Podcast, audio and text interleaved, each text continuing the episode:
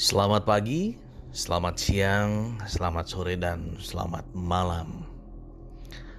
Selamat datang di podcast Omah Keong. Kita akan bicara mengenai hal-hal yang di luar nalar manusia.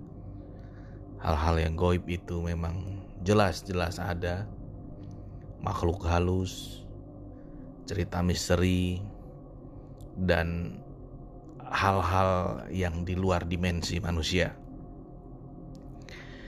Kali ini saya akan bercerita mengenai pengalaman saya waktu masih saat di tahun 90-an atau di akhir tahun 80-an dengan judul Jangan-jangan saya indigo.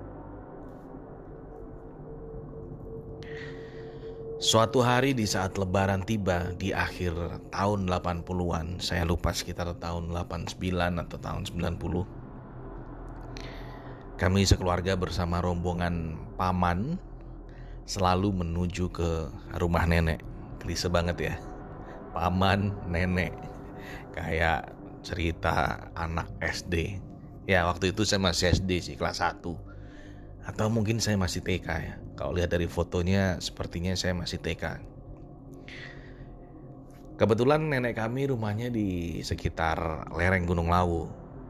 Dan paman saya bisa dibilang yang paling sukses saat itu yang satu-satunya di antara saudara ayah saya yang atau bapak saya yang yang paling sukses. Jadi karena hanya ada satu mobil sehingga keluarga besar nebeng semua di mobil tersebut. Kami melintasi sebuah kecamatan di perbatasan Jawa Timur dan Jawa Tengah. Lalu mengarah ke arah selatan, naik ya ke, ke, arah Gunung Lawu gitu. Saya masih ingat mobilnya itu Kijang, mobil Kijang warna biru tua. Setelah sampai di pasar yang cukup ramai, itu kita naik terus uh, ke arah gunung hingga jalanan yang sudah tak beraspal lagi. Jadi jalanannya hanya batu-batuan yang disusun rapi dan ya kalau kita naik mobil zaman dulu ya goyang-goyang gitulah cukup menyiksa. Apalagi dilalui dengan naik mobil penuh dengan orang kalau itu bayangin ya ya kayak mudik gitulah mudik uh, isi keluarga besar terus saya masih ingat nggak mobilnya nggak AC jadi jendelanya dibuka gitu. Saya masih kecil tapi memori saya masih cukup kuat meng, apa mengingat ya. Karena waktu itu saya jadi pembicaraan orang di satu mobil. Jadi mobil berjalan dengan pelan ya mungkin karena jalanannya terjal kan. Jadi nggak mungkin juga kalau mobilnya itu berjalan cepat menurut saya kira-kira 5 sampai 10 km per jam lah uh, speed dari mobil tersebut. Karena terjalannya jalanan, uh, kami menyebut jalan itu jalan apa ya? Istilahnya makadam ya. Mungkin teman-teman yang di Jawa tahu ya, jalan makadam. Jadi ya batu-batu aja yang disusun gitu. Kita melewati persawahan, perkebunan, desa-desa di lereng gunung, hingga menembus hutan-hutan dengan kanan kiri tebing ataupun jurang yang cukup dalam. Ya waktu itu namanya keluarga kami asli situ ya asli desa. Jadi mereka biasa aja melalui daerah-daerah itu. Tapi karena uh, saya biasanya di kota kan waktu itu. Jadi kalau diajak ke tempat atau uh, ke rumah nenek selalu excited gitu. Karena nggak nggak pernah hidup atau melihat situasi lingkungan yang yang cukup lestari gitu, cukup asri gitu. Lalu layaknya orang desa yang saling bertemu. Jadi saat bertemu dengan penduduk atau mobil kami melintasi rombongan atau beberapa orang yang juga melintasi jalan yang sama itu atau istilahnya simpangan ya. Jadi kalau orang desa tuh saling menyapa gitu termasuk yang di dalam mobil juga kita berteriak gitu untuk menyapa ya. Monggo pak. Monggo mbah. Dan lain sebagainya. Hingga saat setelah persawahan habis selalu ada kebun cabe. Setelah itu masuk ke hutan-hutan gitu. Jadi yang jelas mulai dari pasar tuh namanya orang desa tuh kayak banyak banget gitu yang dikenal. Dan mereka eh, ramah. Jadi kalau memang ada yang kenal anaknya siapa, anaknya eh, mbah siapa gitu, saling kenal pasti menyapa. Lalu eh, ketika kita masuk ke hutan-hutan, di tengah hutan terdapat jembatan. Jembatannya bukan jembatan besar, jadi jembatan kecil kayak kayak uh, jadi kalau kita melintas sebuah jembatan kecil sebelah kanan uh, kalian bisa melihat uh, kayak air terjun kecil gitu. Lalu ada jembatan yang kita lalui, jadi sungainya di bawah, terus ada gerojokan lagi ke bawah yang sebelah kiri. Gitu. Jadi kalau lihat sebelah kanan ada tebing, kalau sebelah kiri ada jurang. Gitulah kurang lebih. Lalu uh, kita melintasi jembatan tersebut. Saya mulai merinding. Di sini nih hal yang menarik. Di jembatan terdapat pria tua berdiri mematung di pinggir jalan melihat mobil kami melintas. Hal aneh dimulai. Tadi, setiap orang yang ada di pinggir jalan selalu disapa, Nah, kali ini ada orang tua berpakaian hitam-hitam, ada penutup uh, kepalanya warna hitam juga. Uh, dibiarkan begitu saja. Jadi tidak tidak ada yang menyapa orang tua ini. Saya apa ya ya kayak merasa aneh aja kak karena semua orang disapa yang yang yang dilalui tapi ada satu orang yang tidak disapa bahkan dilihat aja tidak ya orang-orang yang satu mobil ini ya rombongan mobil kami itu pandangannya nggak ada yang ke samping melihat orang itu. Semua melihat ke depan gitu atau ngobrol sendiri gitu. Melihat aja nggak apalagi menyapa. Laki-laki tua itu rambutnya putih baju dan celananya hitam. Nggak tahu kenapa, saya merinding ketika menyampaikan hal ini. Seolah-olah ingatan saya menjadi nyata gitu. Jadi kayak kayak seolah-olah melihat lagi. Serius, saya merinding ceritanya.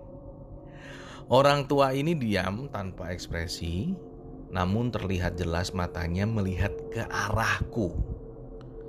Jadi ketika saya melihat orang tua itu, orang tua itu juga melihat saya dan ketika mobil berjalan, um, mata orang tua ini berjalan ya, bergerak seiring arah mobil kami. Jadi ya awalnya saya masih biasa-biasa aja karena aku pikir semua orang juga melihatnya. Mulai horor kan? Aduh, merinding lagi. Setelah melintasi kakek-kakek tua tadi, saya menyeletuk di dalam mobil kok baik nggak di manggani toh pak?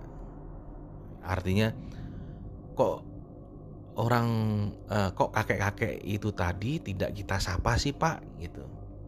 Saya bertanya ke bapak saya. Lalu bapak nanya kakek yang mana sih? Gitu. pakai bahasa Jawa ya. Bahasa yang ditoleh gitu. saya jawab sing neng pinggir jembatan mau loh pak. Lalu bapak saya jawab lagi orang enek uang lo ning kono mau bahasa yang sih? Saya masih bingung kan jadi saya jawab mau kan nenek mbah-mbah toh pak? Kelambine ireng. Masa kok gak disopo kabeh disopo? gitu. Mulai akuar tuh. Satu mobil jadi terheran-heran. Mendadak mobil jalannya pelan gitu jadi sopir mulai terganggu. Penasaran jadi aku sempat berdebat gitu di mobil tapi nggak ada satupun orang yang mendukungku karena mereka nggak ada yang lihat gitu. Mungkin karena saya anak kecil sendiri ya atau ah ngelantur atau atau sedang ngantuk gitu. Tapi saya masih ingat jelas sampai sekarang orang tua itu. Dia berdiri di pinggir jalan. Bapak lalu uh, bisikin gitu dengan suara pelan ya berbisik wis wis. Gak usah dibahas. Moco al-fatihah wae. Artinya sudah sudah. Jangan dibahas terus. Baca al-fatihah saja. Aku jawab iya pak. Saat itu aku masih penasaran sebenarnya siapakah kakek-kakek tua tadi? Dan apa yang dipikir yang ada di pikiran orang-orang dewasa di dalam mobil saat itu? Sepertinya ada di antara mereka yang tahu gitu. Tapi sengaja nggak ada yang mau membahasnya. Sampai sekarang saya juga nggak tahu siapakah sosok tadi atau sosok yang aku ceritain ya. Hanya ibu yang berusaha percaya. Dia ketika aku cerita ke ibu ya bu tadi lihat gak ibu bilang iya iya aku melihat gitu. Tapi dari wajahnya ibu tuh kayak cuma menenangkan gitu loh. Kayaknya ibu nggak lihat cuma karena berusaha mendukung anaknya yang nggak didukung orang semobil ya ya aku melihat. Anehnya aku uh, terdengar gitu suara lirih ibu berbisik ke bapak. Gue mau sopo atau pak? Gitu. Tadi siapa sih pak? Gitu. lalu ayah atau bapak saya bilang wes wes gak usah dibahas sambil melirikku. Sudah sudah gak usah dibahas gitu dalam hatiku tuh bergumam fix ini pasti ada yang ditutup-tutupi gitu kar kar karena uh, saya jadi atau aku ini jadi jadi orang yang paling aneh gitu di mobil. Saya jelas melihat ada orang tua di pinggir, kita melintas di depannya, tidak disapa. Padahal sebelum-sebelumnya semua orang yang melintas atau yang ter, yang dilintasi mobil itu pasti disapa. Oke. Okay. Saya simpulkan, saya melihat sesuatu dan satu mobil tidak melihat. Tidak tahu. Nengok aja enggak. Masih di perjalanan yang sama. Setelah mobil melewati sungai yang lebih besar, ya, kalau di pegunungan itu sungai besar terus suaranya sangat keras gitu ya, gemericik airnya tuh. Dari jendela mobil, aku melihat sebuah makhluk. Jadi bentuknya seperti ular, tapi ukurannya tuh nggak wajar. Kalau kita lihat ular tuh ya paling seukuran tongkat pramuka lah ya, yang paling gede gitu, atau ular piton yang di TV-TV itu yang ukurannya ukuran tangan atau ukuran kaki manusia dewasa gitu. Nah ini ukurannya nggak nggak nggak wajar saya melihat ular seukuran perutnya tuh seukuran tong. Tahu kan tong atau drum? Nah perutnya seukuran itu. Warnanya hitam dan panjang. Saya masih ingat uh, dia ada di sebelah kanan ketika mobil melintas. Sepertinya ular ini sedang tidur atau istirahat gitu karena nggak bergerak. Cuman kalau dilihat dari kepalanya, bentuk dan tubuhnya, aku yakin sekali ini ular. Gitu.